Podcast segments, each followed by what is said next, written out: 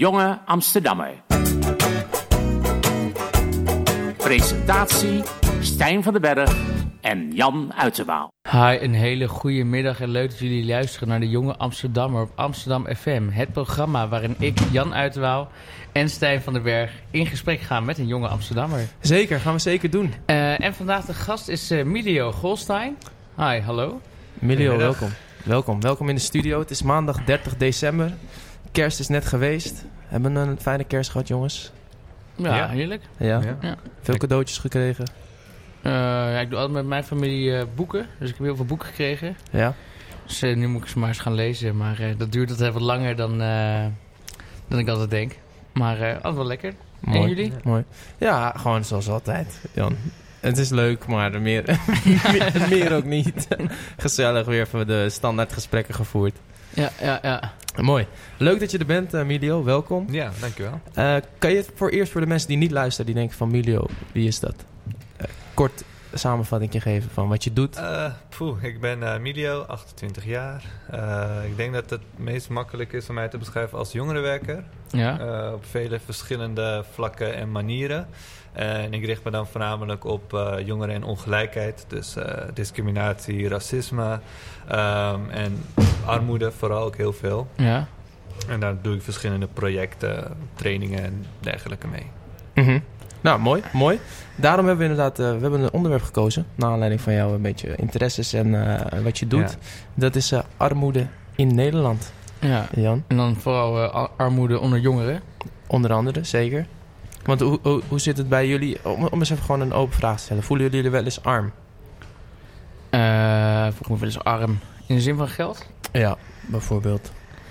Uh, nou, als ik, het als ik mezelf vergelijk met anderen, dan voel ik me wel eens arm, ja. Ja. Bijvoorbeeld, uh, als ik dan op mijn kapotte fiets hier bijvoorbeeld nu net heen rij... en ik word bijna geschept door een Range Rover. Ja. En dan zit ik toch wel te denken van zo... ja, ik kan me die, die is toch wel wat rijker uh, dan ik bijvoorbeeld ben. En, maar, en bij jou, Emilio? Ja, zeker. Uh, ik ben natuurlijk vrij arm opgegroeid. Uh, allerlei problemen rondom schulden en dergelijke thuis gehad. Uh, mm -hmm.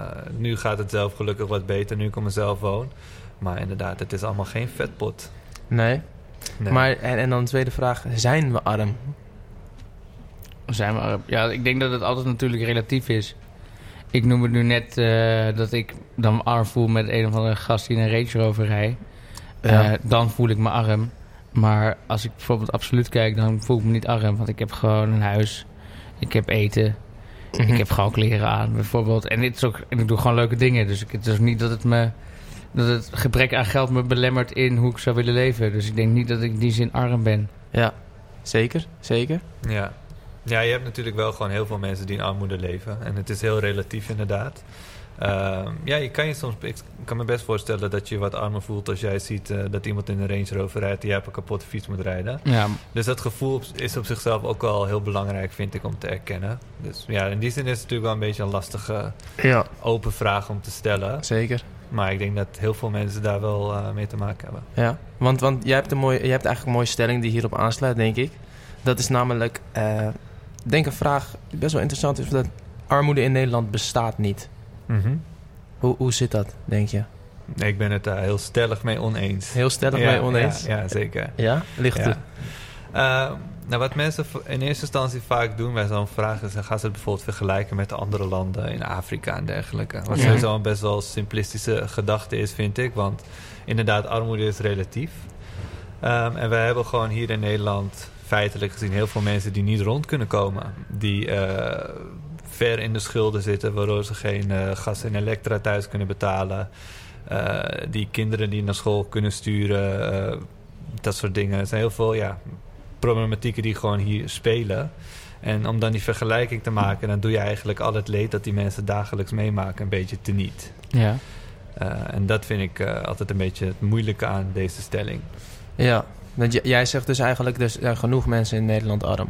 Ja, zeker. Maar wel zeker. weer in, in een bepaald kader natuurlijk, inderdaad. Tuurlijk, tuurlijk. Want als je het vergelijkt Dus met, met, met Afrika, dan... dan Het is natuurlijk ook zo dat als je aan denkt aan arme mensen, inderdaad, zie je, dan denk je, nou, ik denk dan als eerste, ik weet niet hoe het voor jullie zit, aan inderdaad Afrika, Giro 555, hongersnoden, mensen zonder eten. Ja, Uh, maar bijvoorbeeld armoede kan ze natuurlijk ook spelen. Gewoon met mensen wel in een huis. Het hoeft niet per se iemand te zijn die als een zwerver leeft. Mhm. Terwijl je dat eigenlijk altijd wel voor je ziet, denk ik. Nou, ik dan tenminste. Als je het hebt over eh, een arme man. Nou, het eerste eh, beeld wat er in mijn hoofd nu ziet... is een zwerver op straat die vraagt om 50 cent. Maar dat is natuurlijk maar echt het topje van de ijsberg... als je Ja, het hebt precies. over armoede. Precies, want je kan ook inderdaad iemand... Kijk, wij hebben, ik kan met kerst een mooie trui kopen voor mezelf, weet je wel. Maar er zijn ook eh, kinderen die dat, die, waar die ouders dat niet voor kunnen kopen. Dat is eigenlijk ook in een zekere zin al arm, toch? Of niet? Ja, je ziet gewoon dat eh, als je het hebt over de hoeveelheid mensen die jaarlijks naar de voedselbank moeten gaan, die eh, vanuit allerlei andere initiatieven eh, hulp moeten krijgen om rond te komen of, of de dingen te kunnen doen die ze graag zouden willen doen of die anderen makkelijker kunnen doen, dat zegt mij heel genoeg. Ik bedoel, in, de voedselbank bestaat ook helemaal niet zo lang. Pas sinds 2000 geloof ik in Nederland omdat wij eigenlijk altijd onszelf voor willen houden dat het hier wel oké is en het helemaal niet zo'n groot probleem is. Maar Aha. goed, als je sindsdien ziet dat er jaarlijks meer mensen eh, behoefte hebben aan een voedselbank en de voedselbank niet genoeg eten kan bieden, ja. Ja. dan zegt mij toch wel heel veel over eh, het land waar we in, Mm. waarin we Maar leven. schamen denk je ook veel, veel mensen schamen zich er ook voor. Die willen ook niet erkennen dat ze arm zijn. Een soort van dan taboe of zo. Is misschien toch een beetje als een soort van, eh, zeker in deze wereld, een soort van mislukking is als je arm bent. Omdat Ja. het rijken zijn, dat is natuurlijk, ja, iedereen wil dat, heel veel mensen willen dat zijn, bijna iedereen. En als je dan niet rijk bent, dan ben je mislukt en daarom schaam je ervoor. Ja, kijk, kijk eens naar het woord schuld. Schuld betekent in Nederland twee dingen. Je hebt een schuld eh, als in je moet iets terugbetalen of je bent schuldig. Die twee Mhm. zijn eigenlijk synoniem. Ehm, in, in het Engels bijvoorbeeld heb je guilt en debt. Dat zijn twee aparte woorden. Dus je hebt guilt als in je schaamt je ergens voor en je hebt debt, dus je moet iemand iets betalen. Wij hebben ze gecombineerd als in het is eh, schaamtevol om iemand iets terug te moeten betalen of een instantie iets terug te moeten betalen. Ja. Dat gaat in theorie heel ver terug richting onze Calvinistische geschiedenis. Maar eh, dat zit zo bij ons versmolten, waardoor je inderdaad gewoon heel veel mensen hebt die er niet over durven praten. Je hebt ook een steeds groter gro- wordende groep eh, mensen die gewoon werken, maar die leven in armoede. Dat is ook iets wat we eigenlijk niet willen zien of heel moeilijk vinden om te erkennen. Hoe gaat het dan precies? Dat, die dus wel fulltime werken, maar die niet genoeg verdienen. Ja, of eh, deeltijd werken eh, en door allerlei subsidies die ze moeten krijgen alsnog niet rond kunnen komen. Mhm. Mensen die uitgebuit worden, die uit andere landen hier komen werken bijvoorbeeld. Dat soort dingen. En denk je dat het ook vaak echt te maken heeft met schulden? Kan je Ja, zonder, zonder schulden ook arm zijn, denk je? Ja, het, het een hangt natuurlijk wel vaak samen met het ander. Maar als jij stelselmatig onder de, de, de leefbare grens leeft... Ja.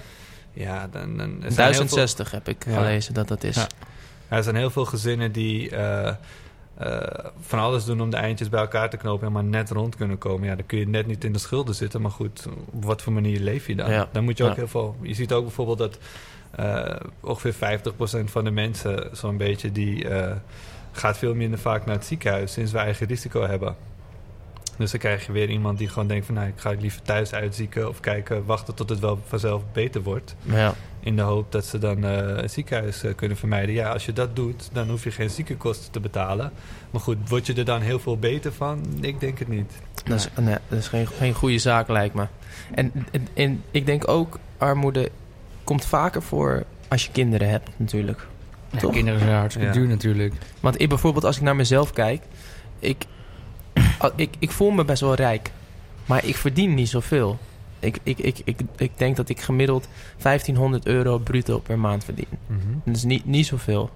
Maar ik, ik kan wel drie, vier keer per, ja, per, per, eh, per week eigenlijk uit eten gaan, zeg maar. Dus het is best wel, best wel grappig, zeg maar, hoe dat dan... Als je dus kind... Want ik moet- kan me wel voorstellen, als ik een kind erbij zou hebben... Nou, dan wordt het, dan wordt het peentje zweet. En dan kan je natuurlijk ook, want jij werkt in de avond. Dan kan je natuurlijk ook niet meer in de avond echt werken. Want, Klopt. En dan moet je, of je moet een oppas vinden. Klopt. Ik denk dat ook dat het is, want een kind kost veel. En niet alleen qua geld, maar het levert ook qua tijd. En als je, Ja. als je veel tijd mist, dan kan je natuurlijk ook minder werken. Ja. ja, en vooral inderdaad alleenstaande ouders zijn natuurlijk... eh, Ja, dat is de grootste groep. dat is de grootste groep die, Maar die het echt je- moeilijk heeft. Jij zei dat je werkt met eh, jongeren die Mhm. in armoede grens. En hoe, wat, wat merk je vooral eh, hoe die in armoede zijn gekomen? Ehm, hoe Ja, werkt dat? Wat, wat komt er veel voor? Wat je vaak ziet, en dat is ook meteen mijn grootste kritiekpunt op al het beleid dat wordt eh, gevoerd, is dat wij kijken heel erg naar de uitkomsten van armoede. Dus zodra iemand in armoede zit, dan zijn er best wel veel instanties, denk aan schuldhulpverlening en dergelijke, die je kunnen helpen om weer terug op het juiste pad te komen. Maar aan preventie wordt er eigenlijk bijna niks gedaan. En eh, ik merk eigenlijk bij al die jongeren dat als er gewoon betere preventietrajecten zouden zijn geweest, dan eh, hadden zij daar helemaal niet in hoeven eindigen. Mhm. Want het is eigenlijk zo dat op het moment dat jij als jongere in de schulden komt, is de kans heel erg groot dat je ouders ook schulden hebben en dat je eigenlijk niks anders in je omgeving hebt gezien dan schulden. Denk aan eh, jongeren in kansarme wijken waar veel armoede heerst, et cetera. Als dat jouw enige referentiekader is, dan weet jij gewoon niet beter. En dat klinkt voor ons die daar buiten staan heel logisch. Van ja, schulden, dit eh, is helemaal niet de bedoeling. En dat kun je gewoon zo en zo vermijden. Ja. Maar voor hun is dat helemaal niet zo makkelijk. En dat is waar het vaak ook misgaat. Ze hebben gewoon geen alternatief. Ze weten niet hoe het is om niet in schulden te leven. Dus eigenlijk vanaf het moment dat zij financieel zelfstandig worden, vallen zij in datzelfde gat. Ja. Mhm. En, en jouw, dat bedrijf waar jij voor werkt, Diversion, Ja. die werkt ook heel erg aan die preventie, toch? Of niet? Ja, ja Diversion, eh, daar heb ik heel veel lessen voor gegeven op het gebied van eh, financiële zelfredzaamheid. Eh, het project heet Moneyways. Daar ga ik eigenlijk samen met een collega, is dat altijd met z'n tweeën voor de klas, ga je naar middelbare scholen en mbo-scholen door het hele land heen. En dan ga je eigenlijk op basis van je eigen verhaal taboe doorbreken. Dus het is niet zo dat wij daar een soort economieles komen geven en zeggen van hé, hey, dit en dit en dit moet je doen. Ja. Maar we vertellen meer over de, de soort van real-life implicaties eh, en de verhalen die wij zelf hebben meegemaakt. Om zo op die manier gewoon wat lessen, soort van levenslessen bij te brengen. Er zit natuurlijk ook wel een stukje budgetteren in dat we mee kunnen geven. Maar het Ja. is op een hele andere manier Uh-huh. ingevuld. En jij, jij, jij kan het dan ook extra goed, omdat je net ook vertelt dat je zelf ook niet echt uit een heel rijk Ja, gezin ja. komt. Ja. Ja, dat is precies, eh, denk ik, ook de kracht van het traject. Je maakt het echt. Ja. Ik kan bijvoorbeeld vertellen dat ik om mijn 18 in de schulden ben geraakt door allerlei omstandigheden. Eh, ik ben daar gelukkig nu uit, maar over dat hele proces van daaruit komen en de schaamte en alles Ja. dat erbij komt kijken, daar kun je dan over vertellen. Ja, tof. En merk, je- merk je dan ook echt dat je hun inspireert dan op het einde? Dat ze echt, eh, dat echt als heel waardevol zien? Je hoopt natuurlijk altijd van wel. Ja. Kijk, eh, je moet ook realistisch zijn. We staan daar drie keer. Levens veranderen kun je niet altijd. Maar daar ga je natuurlijk wel voor. Eh, ik heb wel heel veel positieve feedback gehad van jongeren die bijvoorbeeld na de les nog even naar me toe komen om met mij te praten over hun eigen situatie. En ik, ik kan wel zeggen dat ik ze. Ik, ik help ze niet per se uit de schulden, want dat is niet hetgeen dat ik doe. Maar ik kan wel het beginnetje maken dat ze er in ieder geval over durven praten. Want heel veel Ja. jongeren zitten ook gewoon vast. Die eh, inderdaad die zitten in schaamte. Eh, die willen dat niet toegeven. En dat is ook een van de redenen waarom heel veel jongeren steeds dieper in een gat terechtkomen. Puur omdat ze nooit ehm, naar buiten trainen met hun problemen en de juiste mensen daarvoor aanspreken. Ja. Nice. Ja. Ik zag dat er ook een eh, vacature was. ja, we zoeken altijd nieuwe Wat, wat voor jou, Jan? Nou, ik heb niet heel veel ervaring met schulden. nou, alleen dan eh, met eh, studieschuld. Maar eh, verder, eh, wat natuurlijk eigenlijk ook wel uiteindelijk wel oploopt. Ja, zeker. Ah, het, is wel, het is wel leuk om te doen, lijkt me. Eh, ook wel heftig om zo- zo'n groep zo te pakken met zo'n onderwerp. Ja, kijk, ik vind lesgeven heel leuk. En, en hoe eh, bij de handen de klas, des te leuker ik het vind. Want wat, wat, voor, wat voor plekken zijn het? Eh, Is het HAVO of is het... ook- Ja, je hebt, je hebt, eh, op, het, mid- op de middelbare school is het eigenlijk eh, klas 3 van het VMBO. Dus dat Ja. kan VMBO-kader zijn, VMBO-theoretisch en HAVO en eh, HAVO-VWO-klassen. Daarin merk je ook al wel weer heel, vers- heel veel verschil. Vooral HAVO-VWO, die willen toch wat abstracter denken. Die discussiëren op een net even wat andere manier met je dan Ja. VMBO-studenten doen. Eh, ik vind zelf VMBO eh, het leukste. Ik heb zelf ook op het VMBO gezeten, dus vandaar dat ik eh, wel goed aan ze kan relateren, denk ik. En maar het allerleukste vind ik toch wel MBO's. Zijn ze toch net even wat ouder, hebben ze vaak wat meer levenservaring en dan kun je toch wat meer. Ze durven wat sneller in gesprek te gaan. Ja. En misschien dat het daar ook wel wat meer speelt? Ja, zeker. Je moet het ook een beetje aanpassen, zeg maar. Waar het bij heel veel eh, middelbare scholieren nog vaak gaat over... eh, kijk uit dat je niet eh, te veel broodjes bij de Albert Heijn koopt. Ja. Want dat kan, een, dat kan een patroon zijn dat je later in je leven Ja. door blijft zijpelen, zeg maar. Ja. Eh, en op het mbo heb je wel eens gewoon... eh, ja, komen wel eens mensen naar me toe die zeggen van... Ja, luister, ik ben 21, ik heb al een kind en ik kom er niet uit. Ja, ja, precies. Dat is gewoon een andere... ja, een hele andere dimensie. ja, ja. Ja. En merk je dan ook zeg maar groot verschil met eh, ervaringen van eh, bijvoorbeeld het VWO, HAVO en met het eh, VMBO, met bijvoorbeeld ouders die minder in de schuld hebben gezeten?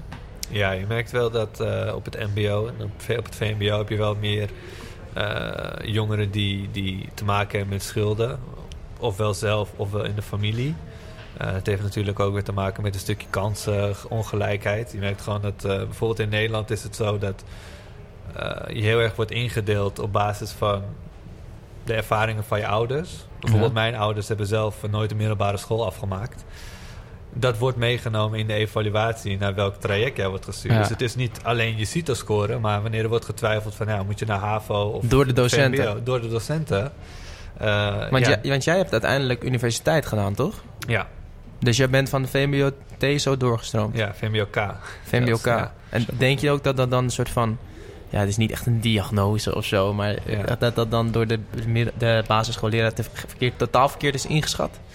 Eh, ik wil het niet alleen daarop pinnen. Ehm, kijk, het heeft ook te maken met het idee dat... Kijk, niemand in mijn omgeving heeft überhaupt ooit universiteit gedaan. Dus dat is iets waar, waar ik überhaupt niet eens aan durf te denken. Dat was zo ver van mijn bed...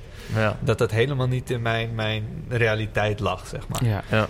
Ehm, dus dat stukje, het gebrek aan zelfvertrouwen... bijvoorbeeld het gebrek aan, aan, aan vertrouwen in je eigen kunnen... dat speelt daar ook allemaal in mee. Ja, Ehm, maar ja, toch meerdere onderzoeken laten ook zien... dat ook de docenten daardoor beïnvloed ja worden. zeker. Ik kan me goed voorstellen. Ja. Ja. en dan krijg je natuurlijk... de link is vrij snel gemaakt als je eh, ouders lagere geschoold zijn.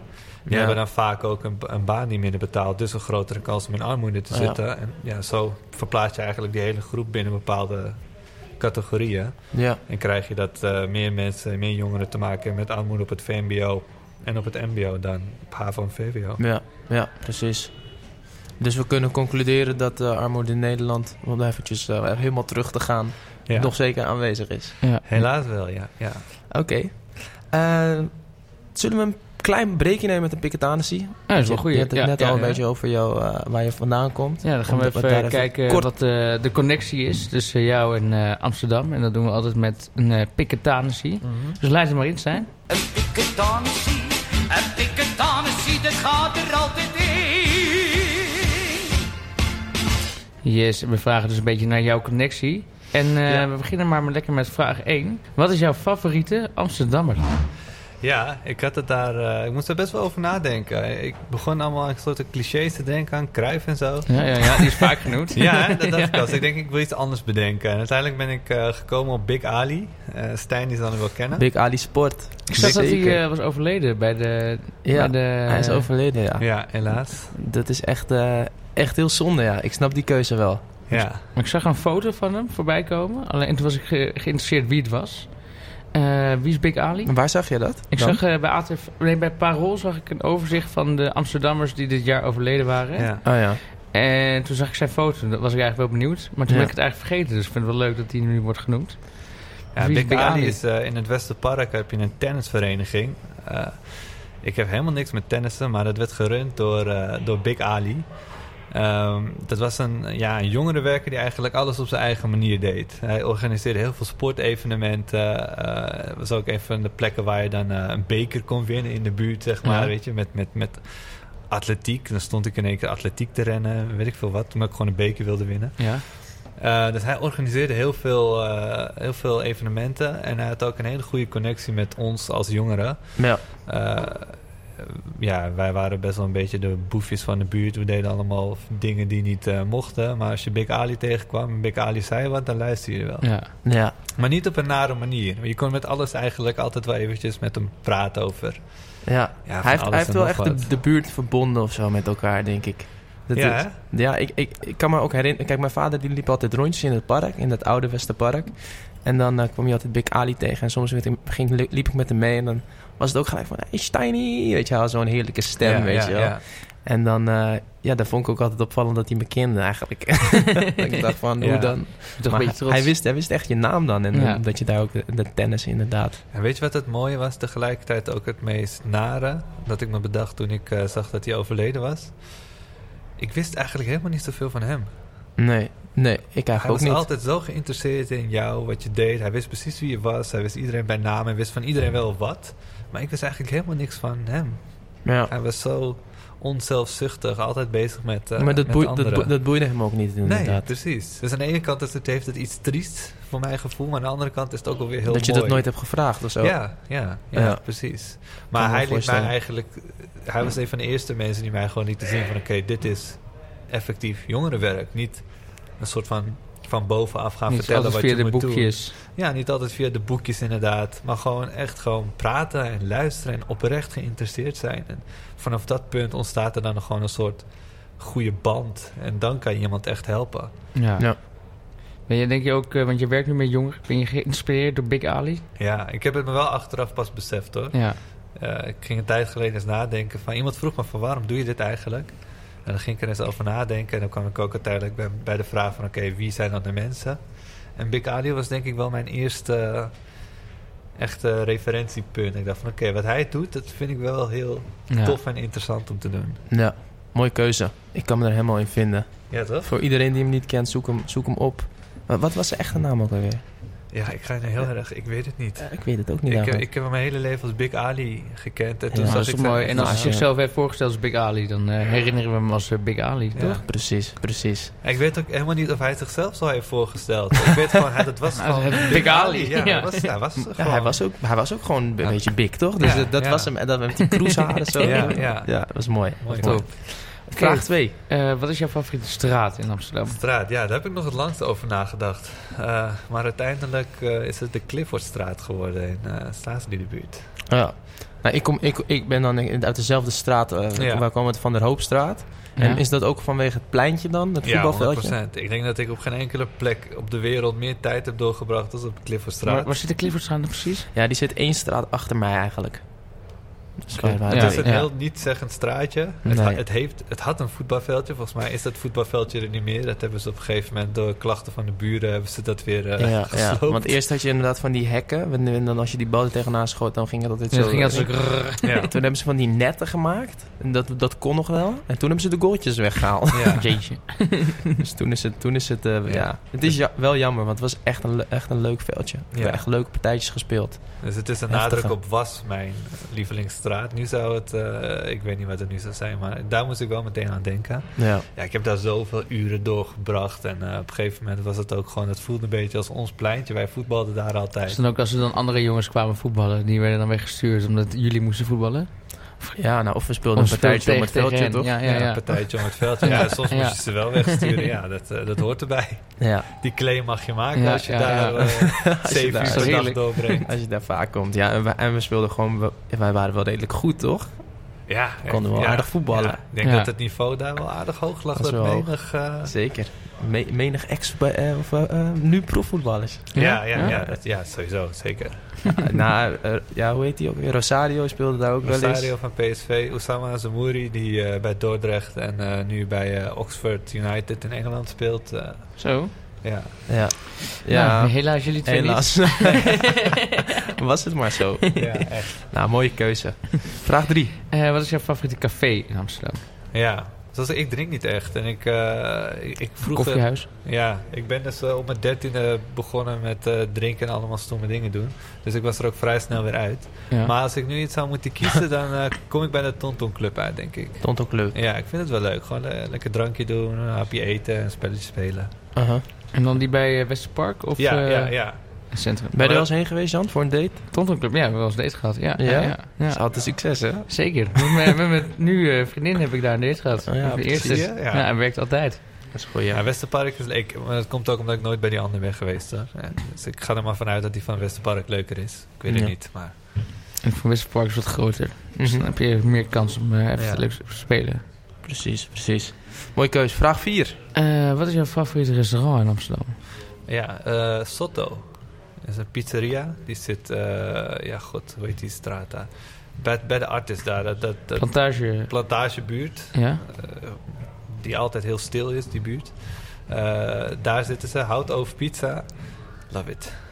Oh. Mooi. Lekker. Ik ken hem niet. Ja, jij houdt heel veel van pizza. Jij bent ja, een pizza-koning. Pizza, dus, pizza, pizzaman, dus ga ik een keertje Ik ben dus ook echt op een soort missie om de beste pizzeria van Amsterdam te vinden. Ah, ja. En tot nu toe staat die op één. Weet Ja. je wat ook een goede pizzeria is? Die ook in de Staatsliedenbuurt, in de Bentingstraat. Bella Storia. Bella Storia. Ja, tuurlijk. Dat is echt eh, super. Ja, dat is Ja, echt die super. kennen we. Die kennen we. Echt heerlijk. Ook peper, ja, wel dure pizza's. Ja, Van ja. 16 euro of zo. Je ja, krijgt wel wat. Maar je krijgt wel wat.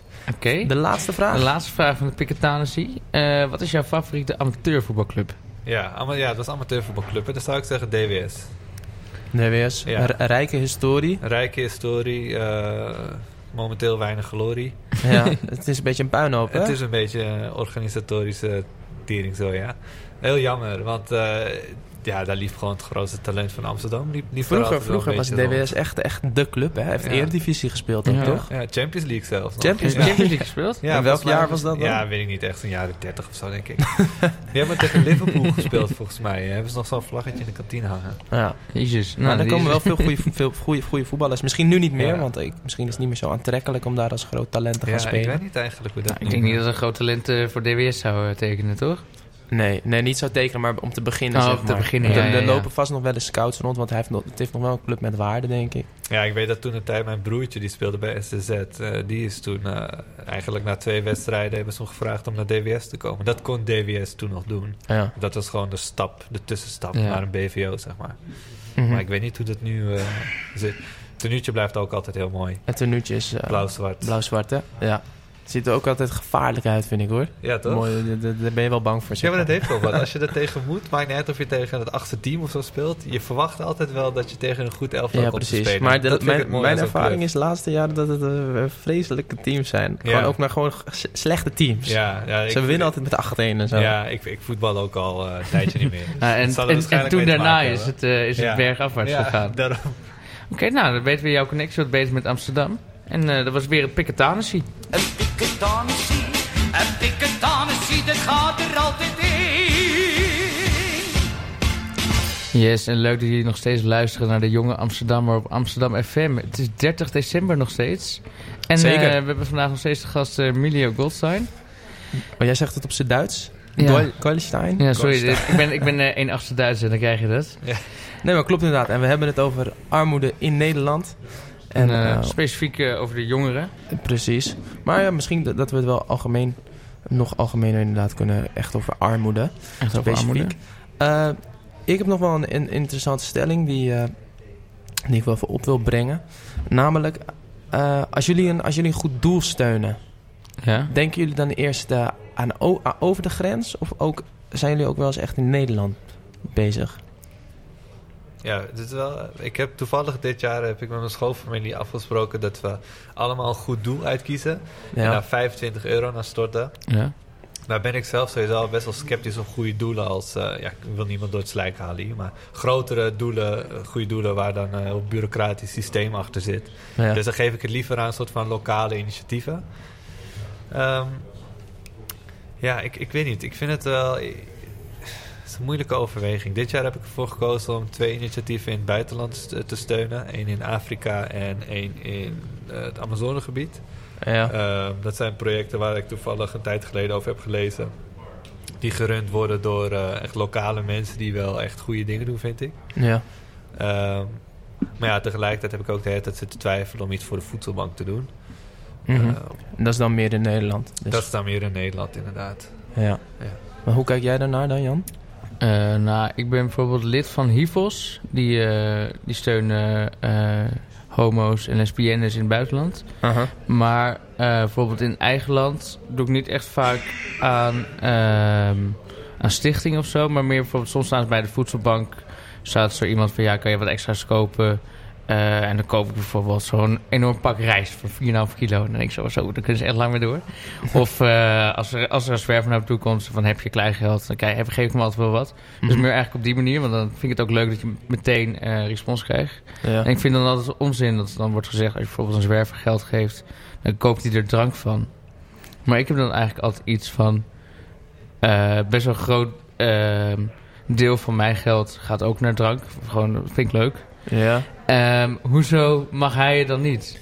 ja oké. Nou, Ja, het was wel interessant. Er was, eh, een tijd geleden heeft de AT5 daar iets mee gedaan. Die hebben daar een soort, eh, ja, noem je het, een rapportage over gemaakt. En wat ze dus eh, hebben gedaan is eerst een van hun reporters eh, zich voor hebben laten doen als een eh, dakloze. Ja. En dan eh, kijken hoe het is om, om te bedelen. Want dat heeft natuurlijk echt, dat is best wel een moeilijke stap om te Ja, zetten. zeker. ja. Eh, en diegene die viel meteen op eigenlijk dat mensen kijken je niet eens meer als mens aan. Nee. Je wordt gewoon helemaal ge- dehumaniseerd. Mensen kijken een soort van door je heen. En sinds ik dat zag, dacht ik wel, oké, het is wel echt belangrijk inderdaad om Ja, over zo'n goeds alleen maar. Ja, en maar de, de voorzitter van de dakloze vereniging... die heeft ook gezegd dat het uiteindelijk ook wel beter is om wel geld te geven. Want eigenlijk is het ook niet aan ons om te bepalen Wat iemand ermee doet. ja, niet, niet zozeer alleen wat ze ermee doen, maar ook om, om te bepalen of zij er recht op hebben of niet. Ja. Om te zeggen van oké, weet je, misschien willen die mensen wel echt graag een bed hebben voor zo'n nacht. Misschien inderdaad gaan ze er drank of drugs van kopen. Maar wie zijn jij en ik op straat om even zo die beslissing over die persoon te maken? Ja, dat ik een was heel interessante opmerking. Maar de kans, is, de kans is wel, wel aanwezig dat ze de drugs van, van ja, maar kopen, toch? en dan? Ja.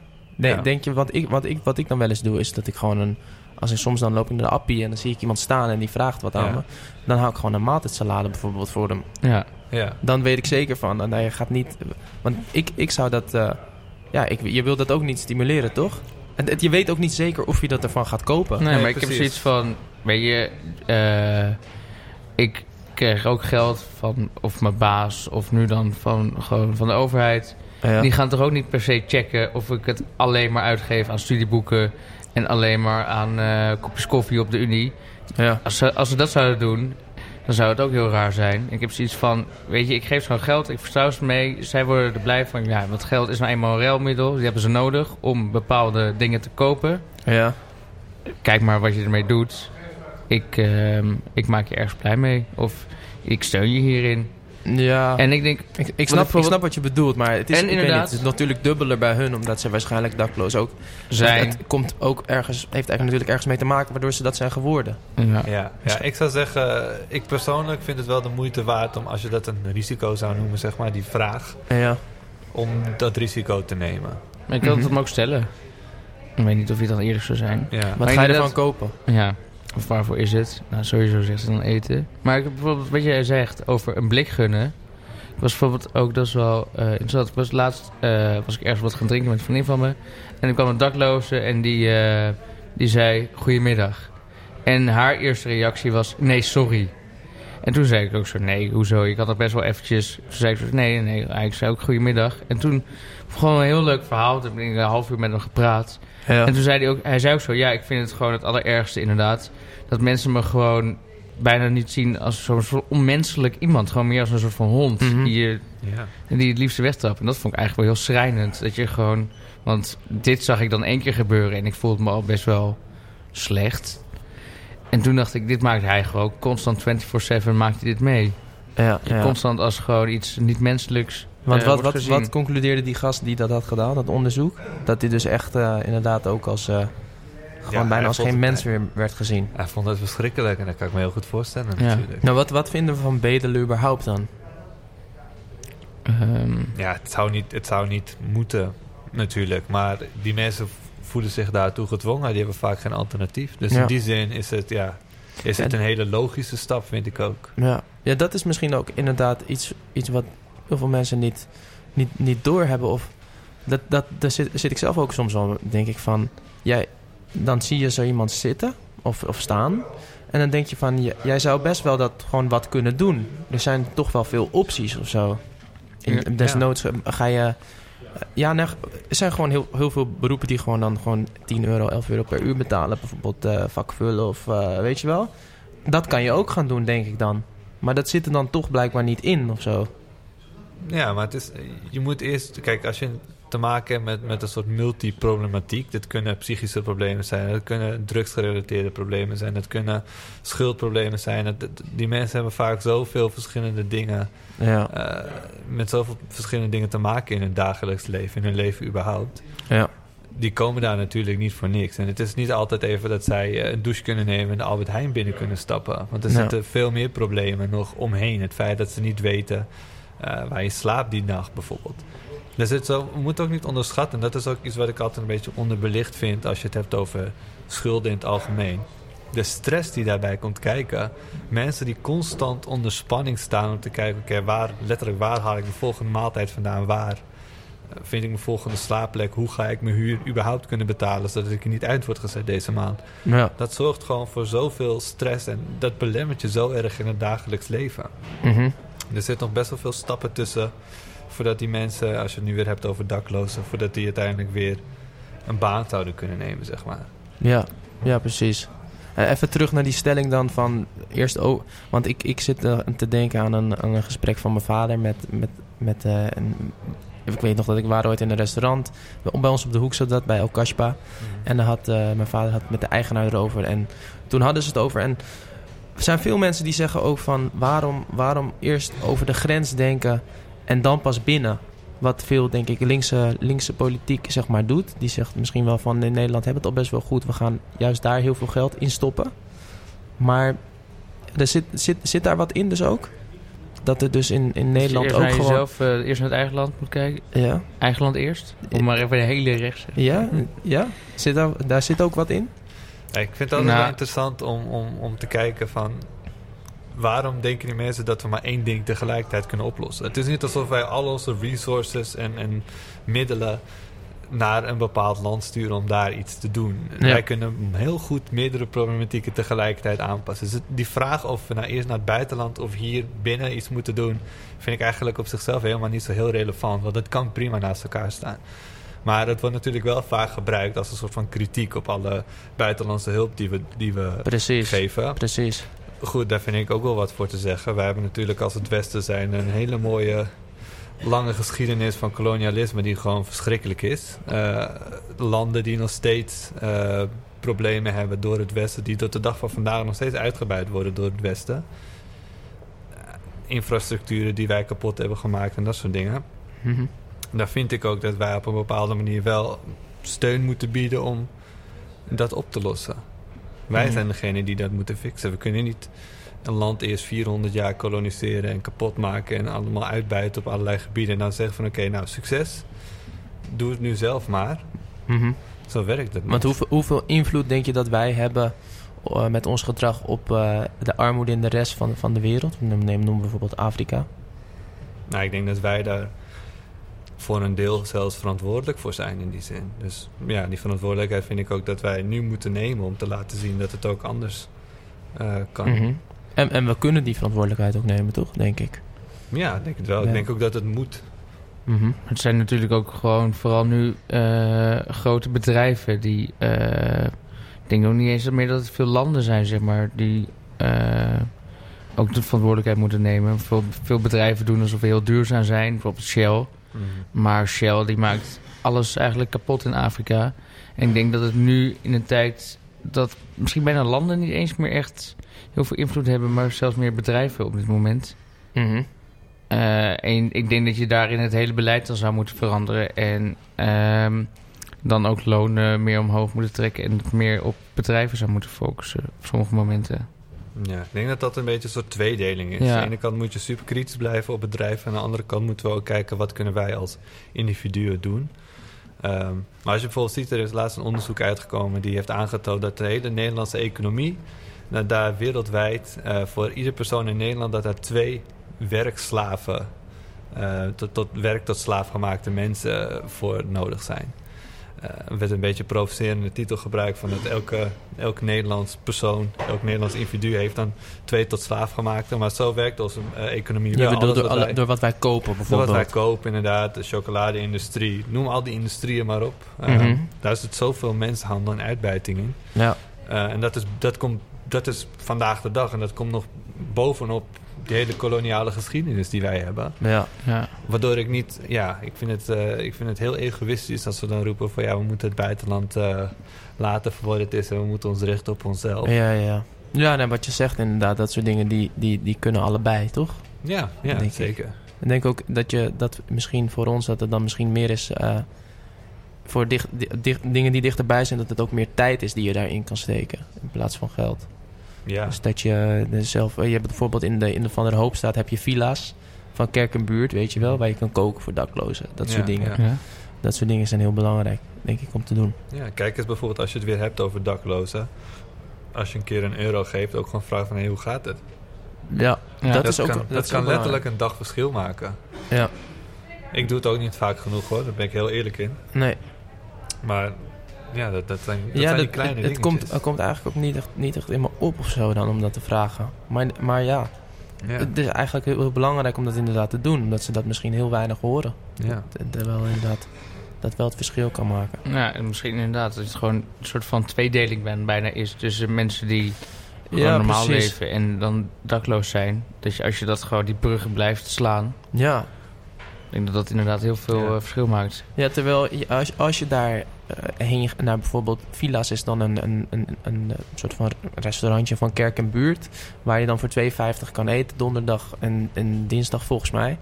En als je daarheen gaat, dan, ja, dan is dat gewoon. Dat, dat is heel tof om soort van met die mensen een keertje soort van te zijn of zo. En ook om te zien van.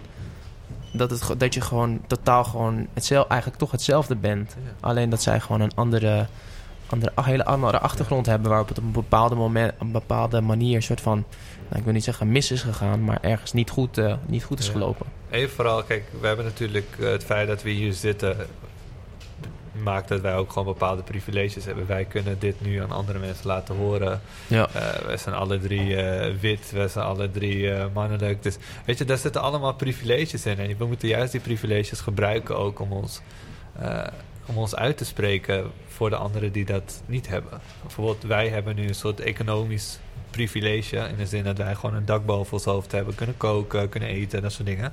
Mhm. Ja, het is juist aan ons om eh, kritisch te blijven op de manier waarop wij als land met daklozen omgaan en met armoede omgaan, zeg maar.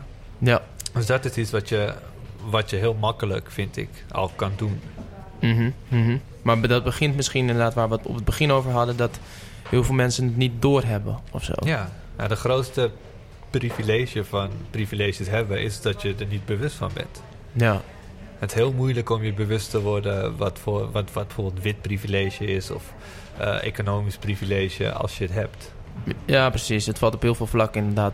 eh, Ja. Ja, ook op, op, op eh, gelijkheid inderdaad in ras.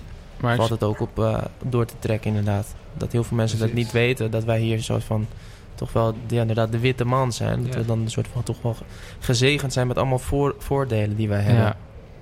Maar eh, we hebben nu heel veel gehad ook over daklozen. Mhm. Maar om toch nog even, want dat is natuurlijk wat ik net al zei, het topje van de ijsberg.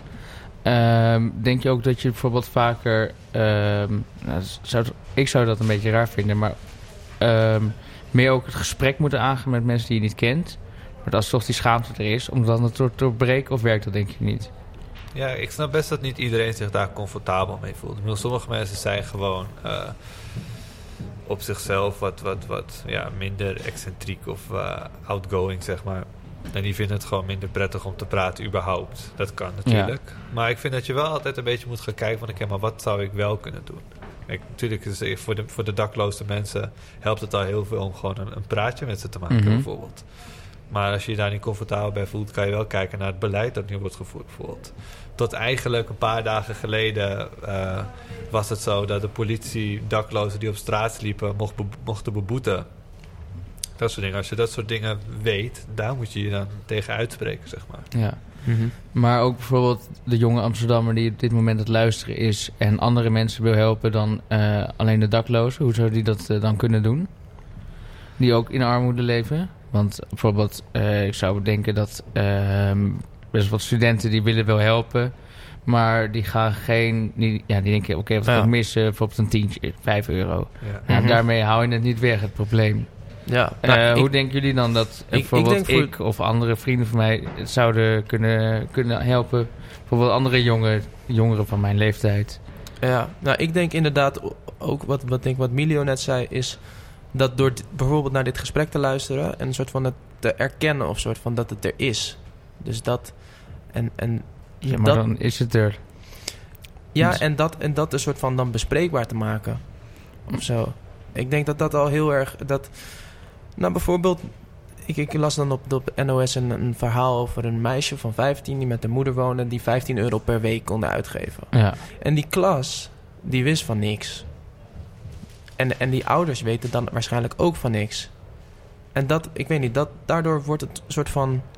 Dus niet erkend en zijn mensen daar niet bewust van. Ik denk dat dat bewustzijn een heel, heel groot ding is. Dat- Maar als, je, als je van niks weet, dan kun je toch ook niet een soort van bewustzijn creëren? Ja, en daarom is het belangrijk dat mensen het wel weten. Ja, maar moet je dan, als je eh, bij een, in een klas zit van ja, dan ga je toch niet aan het begin zeggen, mijn ouders komen van zoveel geld rond. Ja, ja dat nee, ik bedoel meer zo. te zeggen, hoe eh, kunnen mensen van mijn leeftijd die niet echt geld hebben om te investeren in de voedselbank of iets, hoe Ja. zouden die eh, mensen van mijn leeftijd of van iets jonger kunnen helpen om ehm, van die schulden zeg maar, af te komen of te preventeren, zeg maar, Ja, preventie? lastig, lastig. Is het, is, het, is het de taak voor die mensen om dat te doen, denk je? Nee, maar dat is niet per se de taak. Maar als je het zelf... Het is ook niet de taak van mij, vind ik... om eh, daklozen te helpen. Nee. Of, of wel, maar, of, zeg maar om daarin te zitten. Ik denk dat dat meer ook een, een taak moet zijn van de overheid. Alleen soms de dingen die je ziet... niet als per se als jouw taak... maar wel als een soort van bepaalde waarde die je hebt om mensen te helpen. Ja. Eh, ja, je zou toch wel mensen willen helpen. En je weet nog niet precies hoe je het kan ja. doen. ja, ik zou ook niet, niet inderdaad niet echt zo nu echt 1, 2, 3 iets kunnen bedenken wat daar dan aan kan helpen. Behalve om misschien ook wel met gewoon inderdaad te vragen van hoe gaat het, zeg maar? Hoe, hoe, hoe kom je rond? Lukt het allemaal een beetje? Eh, Dat, eh, Ja. dat, dat is ook al heel waardevol, denk ik. Ja, gewoon inderdaad een open gesprek aangaan. Maar ook inderdaad jezelf gewoon informeren erover. Als jij eh, bijvoorbeeld in één keer heel veel meer kan weten, te weten komt over de situatie van jongeren in armoede. eh, als je in één keer iets leest of statistieken leest of whatever. Als je dat dan deelt met je directe omgeving, dan creëer je ook alweer een stukje bewustzijn. Waardoor andere mensen misschien weer worden getriggerd om iets te doen. Zeg Ja. maar.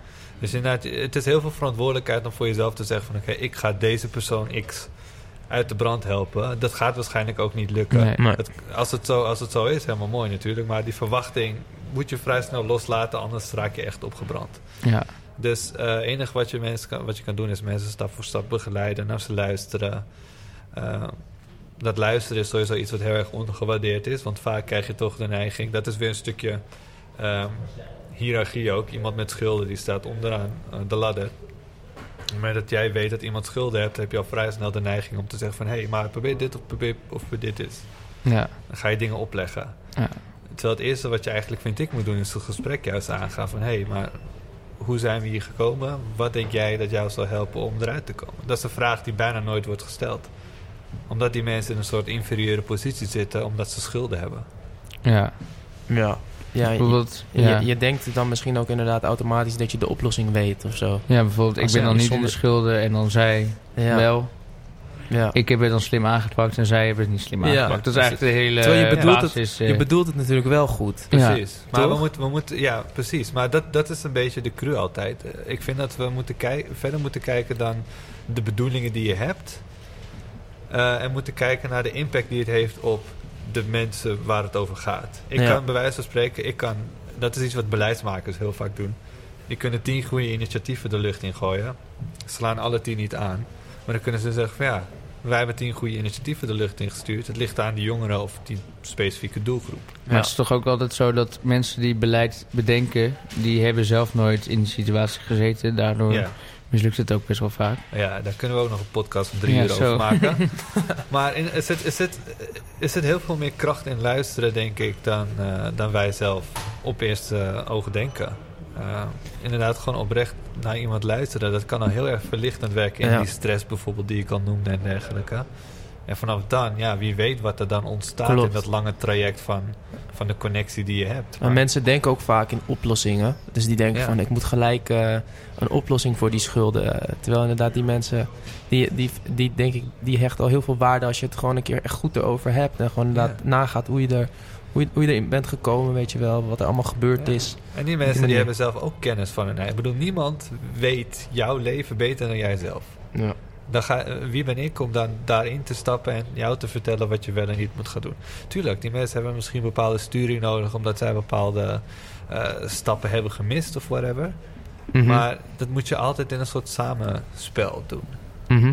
En daarom is ja, luisteren vind ik misschien wel juist een van de belangrijkste dingen die je kunt doen. Vanaf daar kun je gaan kijken van oké, wat zou ik kunnen gaan doen of kunnen gaan betekenen voor deze persoon, weet je? Ja. Mhm. En, de, en de overheid, wat voor rol heeft die dan, vinden jullie? Ja, dat is weer een stukje. Kijk, de overheid die eh, zorgt in eerste instantie voor dat mensen überhaupt in de armoede blijven. Als jij ieder jaar de BTW omhoog blijft eh, Ja. gooien en de lonen niet meestijgen, dan eh, creëer je problemen. Nou goed, over dat hele kapitalistische beleid eh, kunnen we het ook nog heel lang hebben. Maar in ieder geval, als je kijkt naar het feit waar de overheid dan, eh, naar hetgeen waar de overheid dan in investeert, dan is het armoedeoplossing weer. Dus het is weer Ja. mensen die al in armoede zitten, eh, helpen daar uit te komen. Terwijl ik vind nog steeds, we moeten ons meer richten op het preventieve. Maar En ook een veel bredere aanpak. denk je dat het zelf ook nog... Jij geeft dan op, op scholen geef je les. Denk je niet ook nog als je echt, bijvoorbeeld bij economie... echt eh, dan al met een soort van financial management gaat zitten... hoe, hoe je bepaalde dingen moet aanvragen bij... eh, bij bijvoorbeeld de staat, want na, na je achttiende krijg je vergoeding voordat je op de middelbare Ja, school zit. Nou, dat Mhm. wist ik niet. Toen kwam ik ook maar achter via, via, via een vriend. Ja. Eh, bepaalde dingen met aanvragen. Ja, het is dat mijn ouders het wisten. Maar daardoor heb ik het ook allemaal geleerd. Ja. Bijvoorbeeld dat soort dingen. Dat, moet je, dat soort dingen heb ik het gevoel dat moet je altijd maar leren van via, via, via mensen die daar op zich verstand van hebben. Maar als je ouders of je hele omgeving daar geen verstand van Van de heeft. basisfinanciën of zo. ja, gewoon de basisfinanciën. En Ja. dat doe je dan, combineer je met economie of iets. Ja. Ik vergelijk het altijd met eh, seksuele voorlichting. Op een gegeven moment eh, kom je bij je ouders of in een les en zeggen ze: Oké, dit is hoe het werkt, dit is eh, de koetjes en kalfjes. Bij financiële verantwoordelijkheid is het iets heel subtiel door je hele leven doorgaat. Ja. Je leert wel of niet sparen, je krijgt wel of geen zakgeld. Op de manier waarop je zakgeld uitgeeft, dan kun je daar weer terug naar je ouders gaan om opnieuw geld te krijgen, dat soort dingen. Ja. Dat is allemaal een stukje van je financiële ontwikkeling. En als je ouders dat niet op de juiste manier eh, zelf hebben geleerd of zelf weten, dan, Ja. zul, dan zul jij dat ook niet weten. Nee. En daar vind ik dat de overheid op in moet springen. En inderdaad ehm, vind ik dat de overheid meer mag investeren in bijvoorbeeld eh, lessen daarvoor. Dat je de economielessen wat meer levendig maakt. Maar ook dat je Wat praktischer constant- of zo misschien ook, toch? Ja, Gewoon wat praktische tips. Want bijvoorbeeld, op een gegeven moment krijg je dan zorgtoeslag. Ja. Ja, wat is zorgtoeslag? Ja, dat soort dingen. Volgens mij, ik, ik weet nog steeds niks van eigenlijk. Volgens mij moet ik het zelfs op een gegeven moment terug gaan betalen Ja. dan weer, zeg En maar. ook dat je dat, dat soort lessen in, in samenwerking met jongeren opzet. Ja. Eh, dat is een beetje het, eh, het, het grote probleem, vind ik. Dat, ik heb heel veel beleidsmakers gesproken de afgelopen jaren. Echt heel veel. En het zijn bijna allemaal mannen van boven de 50. Ja. Ja. Eh, ik, heb, eh, ik, heb, ik heb beleidsmakers gesproken die over jongerenwerk, over jongeren en financiën gaan. Die hebben dat in hun portefeuille zitten. Eh, die, die laten het woord gulden hier nog wel eens vallen. Ah ja. Dat soort dingen. Die hebben helemaal geen idee wat er speelt Nee. in de leefwereld van jongeren. ja. Dus om dat op een goede manier eh, te doen, moet je dat ook met jongeren doen. Want zij weten nogmaals het beste wat zij eh, in hun leven meemaken. ja. Dus die doen, die doen eigenlijk ook te, veel te weinig veldwerk. Die weten gewoon niet Ja. wat speelt. Ja, ik heb hiervoor ik heb, een eigen bedrijf opgericht. Dat heet Relate. Eh, daar geef ik heel veel jongeren trainingen en workshops. Maar dus ook beleidsmakers. Van hoe kun je nou effectief Ah, met ja. jongeren samenwerken. En die komen ook. En die komen ook, ja. ja, Ja. ja. En, en hoe gaan, wat, wat vinden die daarvan, daar dan van? Eh, ja, het is meer dat ik in eerste instantie gewoon heel kritisch ben. Ik kom daar altijd vanuit het perspectief van de jongeren. Het boeit mij niet zo heel erg eh, wat beleidsmakers uiteindelijk van mij vinden. Ja, dus daar heb ik gewoon best wel open en ja, soms ook best wel confronterende gesprekken met ze. Ja. Maar ja, dat moet als je jongeren wilt helpen. En zij worden daar fulltime voor betaald. Dus dan vind ik ook dat je dat best mag horen. Ja. En dat is een beetje wat wij dus doen. En eh, je hebt ook vaak tegenwoordig eh, dat beleidsmakers wel graag met jongeren in gesprek willen gaan. Ja. Maar dan wordt het bijna een soort checkbox afvinken. Dus dan willen ze met jongeren praten. En als, het, als wat de jongeren zeggen eh, in lijn is met wat zij zelf denken, dan is het helemaal top. Maar als het Ja, precies het precies. is, dan is de beleidsmaker weer de expert. Want dan, dan gaat het ook natuurlijk weer een soort van... Voor hun merk, neemt het dan weer nieuw we- werk mee, zeg maar. Ja, dan moeten het ze, ineens, hun eh, moeten ze het ineens gaan veranderen. Ja, hun beleid daar dat ze voeren. Ja, en de beleidsmaker is altijd de expert. Dus hetgeen wat jongeren meemaken wordt dan een soort van anekdotisch en onbelangrijk. Raar is dat eigenlijk, hè? Dat dat zo gaat. Ja, het gebeurt. Ik heb wel eens, eh, om een voorbeeld te noemen, kwam een beleidsmaker naar me toe. Die zei van, ja, ik, ik wil dit echt wel graag doen, maar ik weet niet hoe ik jongeren moet bereiken. Ja. Ik zeg, nou, bent u wel eens eh, naar een jongerencentrum toe geweest en heeft u daar eens met eh jongerenwerkers gesproken en gezegd van, nee, ik wil misschien met wat jongeren praten. ja. Oh nee, dat is eigenlijk best een goed idee. Dat, is toch heel- een van de eerste dat dingen is waar je aan denkt. Toch? Ja. Als, als wij dat willen doen, dan is dat een van de eerste dingen die ons Ja. te binnen schiet. Maar dat is al, ja, dat, dat zit daar al. dus maar ja, zij, ja, ja, ik denk dat zij er wel aan denken, maar ze, dat ze het gelijk weer wegzetten. Omdat het dus een soort van consequenties met zich ja, en dan, en dan moeten ze ook, worden ze ook ineens geconfronteerd met de problemen die ze normaal alleen maar lezen. Misschien dat ze dat dan ook bijna een soort van eng vinden.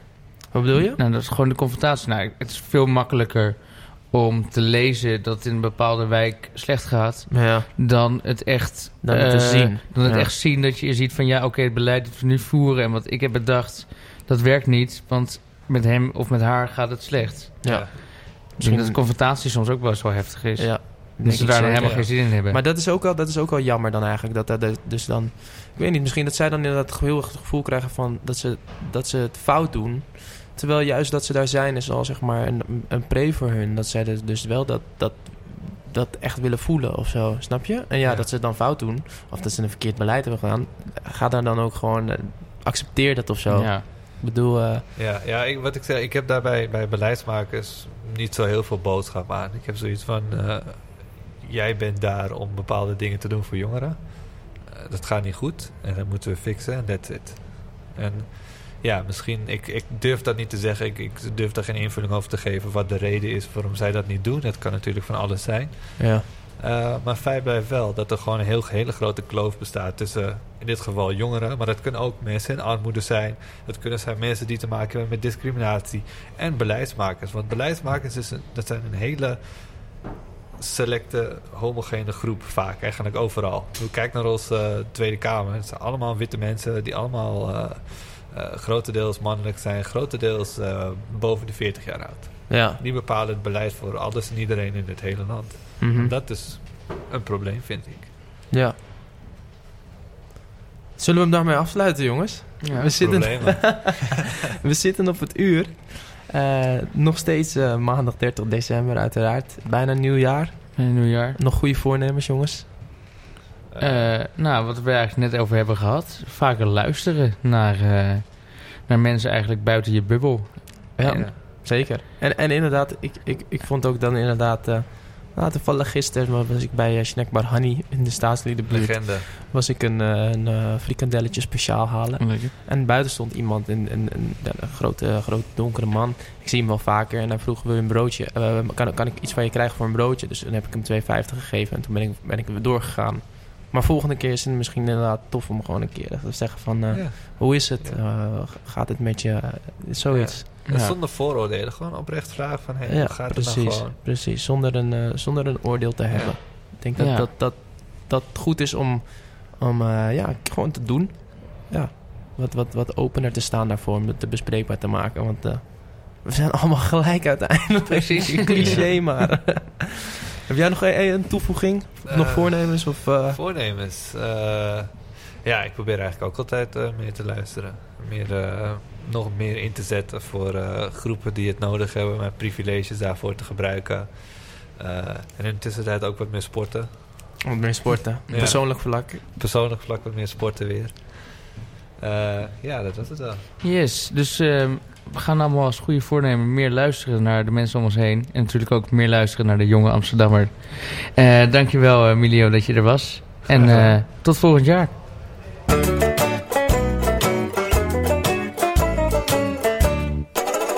Jonge Amsterdammer. Presentatie Stijn van den Berg en Jan Uiterwaal.